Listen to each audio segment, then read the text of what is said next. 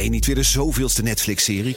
Kom naar de Monday Moves van BNR. Op maandag 18 maart zal op het podium Arend-Jan Boekenstein, Michal van der Toren, Geert-Jan Haan en Bernard Hammelburg. Ze hebben het over geopolitiek. Het is oorlog. Moeten we vechten, vluchten of bevriezen? Onder leiding van mij, Art Rooijakkers. 18 maart dus in het De La Theater in Amsterdam. Check bnr.nl slash mondaymoves.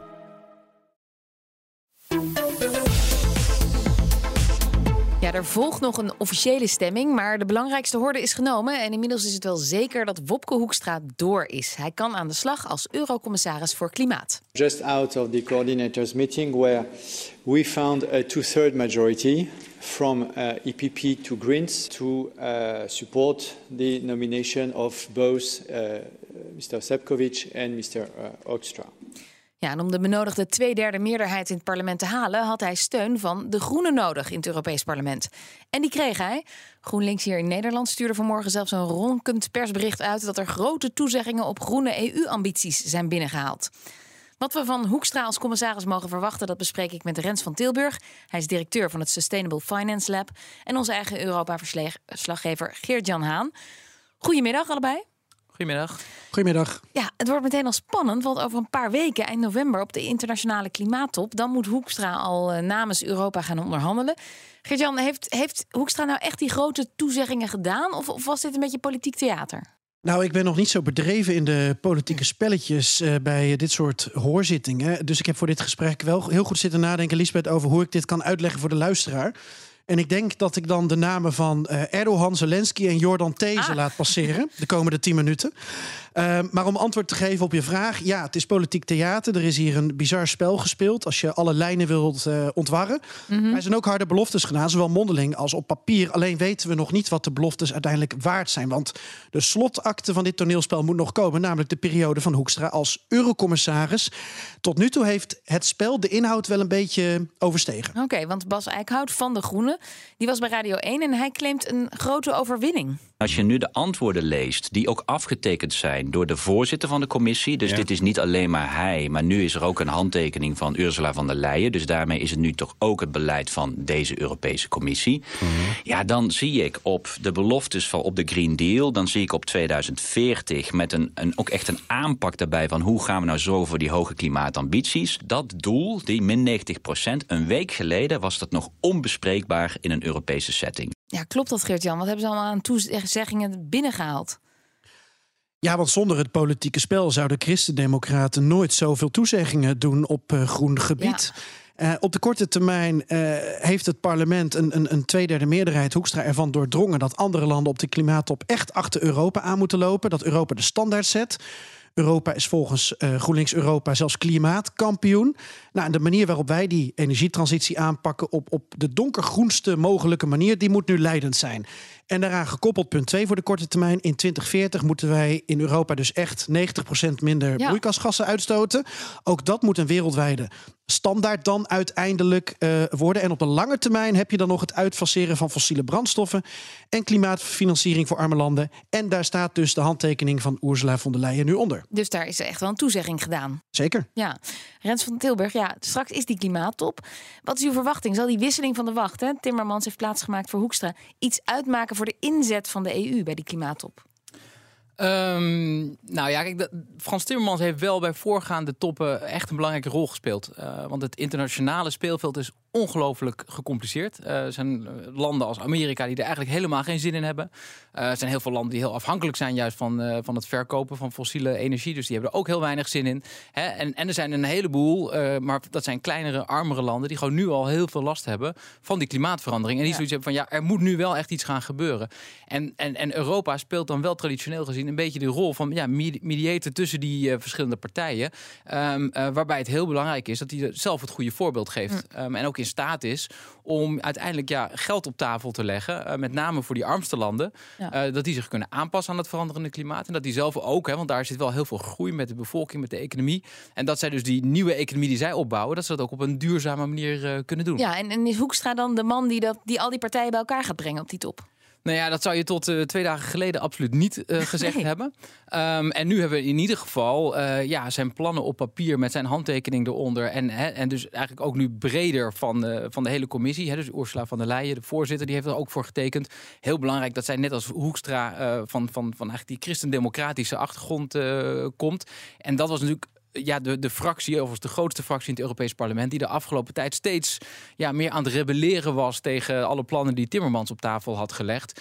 Dus ja, als dit, uh, hè, maar goed, we, we, moeten het allemaal nog gaan zien. Maar als dit betekent dat die partij hier nu wat constructiever in komt te staan, ja, dan ja. is dat wel heel belangrijk. Ja, Gert-Jan, milieuorganisaties ja, die zijn niet heel erg jubelend. Die zijn heel sceptisch over de benoeming van Hoekstra. Die zeggen ja, we gaan hem in de ga gaten houden. Want kun je misschien ook wel begrijpen, want hij zei, uh, Hoekstra ook... ik wil de mogelijkheid verkennen van een internationale kerosinebelasting. Ja, wat zeg je dan eigenlijk als je dat zegt? Um, Hoekstra gaat heel goed onderzoeken wat er mogelijk is, Lisbeth. En hij zei heel vaak: I will do my utmost.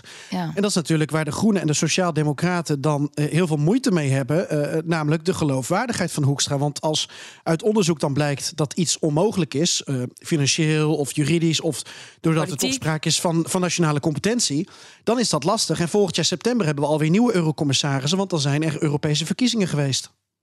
Geert-Jan, eh, vanmorgen vergaderde de commissie die over de benoeming gaat nog over een aantal schriftelijke vragen. Daarna werd er een korte persconferentie gehouden. Hoekstra zelf werd daar nauwelijks besproken. Het ging erbij eigenlijk vooral over die nieuwe eurocommissaris, die Sefcovic uit Slowakije, die de coördinatie van het Europese groene beleid op zich gaat nemen. Eerder vandaag hoorden we in BNR Zaken doen de VVD-europarlementariër Jan Huytema. Hij denkt dat Hoekstra eigenlijk al uh, geslaagd was, maar dat er nog een politiek spel gespeeld werd. Er waren uh, deze week twee hoorzittingen van Wopke Hoekstra, maar ook van de sociaaldemocraat Sefcovic, die komt uit Slowakije. En Wopke Hoekstra heeft het gewoon veel beter gedaan dan de, de andere, dan Sefcovic. Dus op basis van de hoorzitting zou je gewoon kunnen concluderen dat, ja, dat hij het goed gedaan heeft en dat hij eh, groen licht zou moeten krijgen van de Milieucommissie. Dus ik vind dat het echt uh, ja, op een gegeven moment meer een spelletje werd en dat er gezocht werd naar spijkers op laag water. Dan dat ze nou objectief uh, Hoekstra aan het beoordelen waren. Geert-Jan, klopt dat? Was het een spelletje? Nou, dan vraag je ook naar mijn mening. Maar uh, mijn observatie en die van anderen was dat Hoekstra het best wel goed heeft gedaan tijdens die hoorzitting. Ook heel veel groene beloftes heeft gedaan. Vervolgens vinden de Sociaaldemocraten dat uh, lastig. En nu komt het politieke spel. Uh, nu komen ook de namen, dus pak de bingo-kaart er even bij. De ongeloofwaardige Hoekstra, die zich dan drie uur lang um, door een hoorzitting over klimaat worstelt.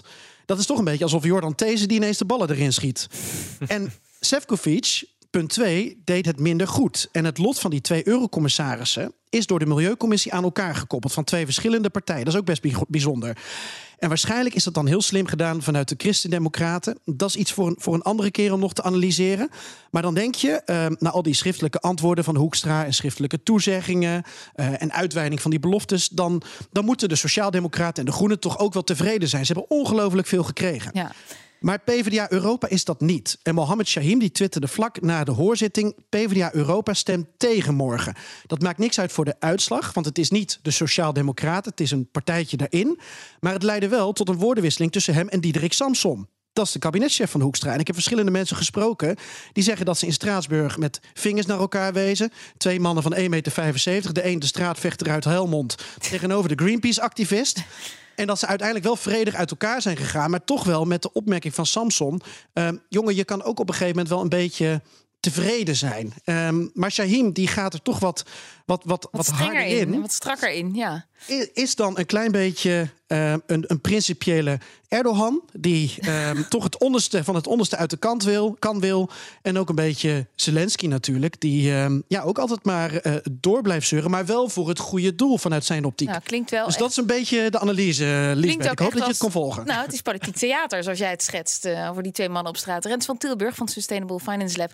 Wat was voor u en voor het lab dan de belangrijkste toezegging... die Hoekstra heeft gedaan?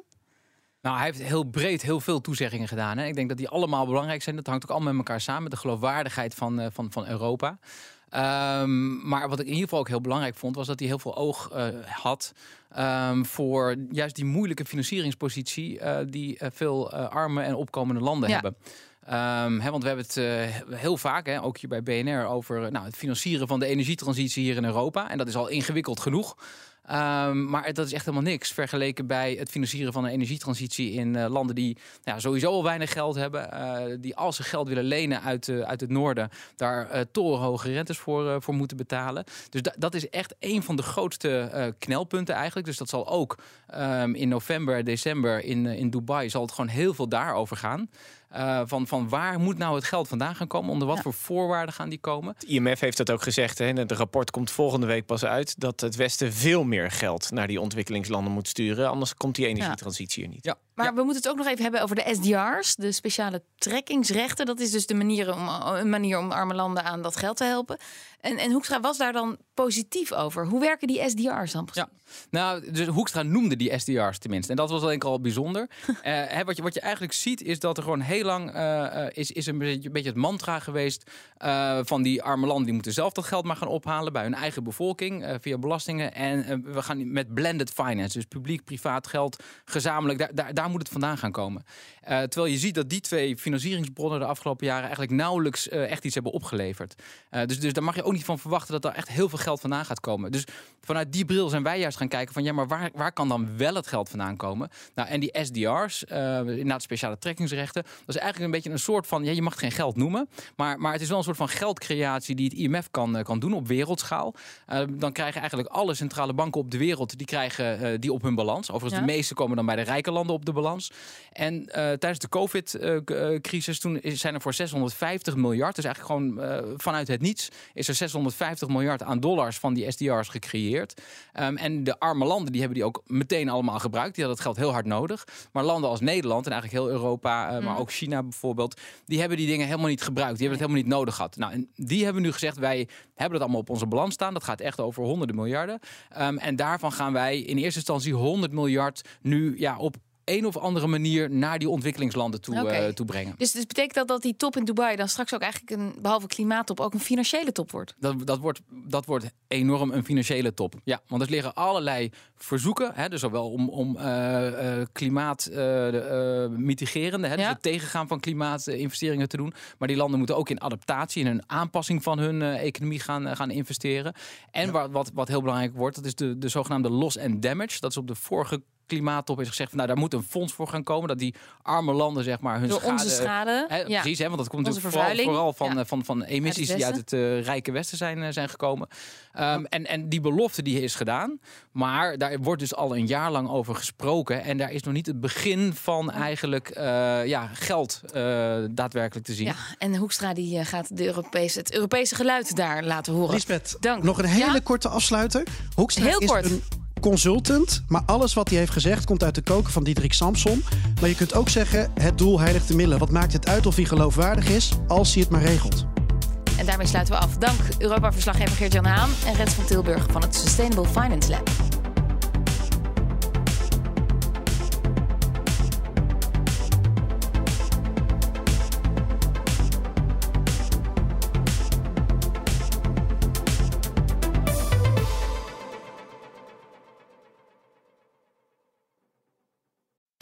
Product market fit, proposities, valideren, scalen, blue oceans, bootstrapping, burn rates, groeistrategie, schalen en disruption.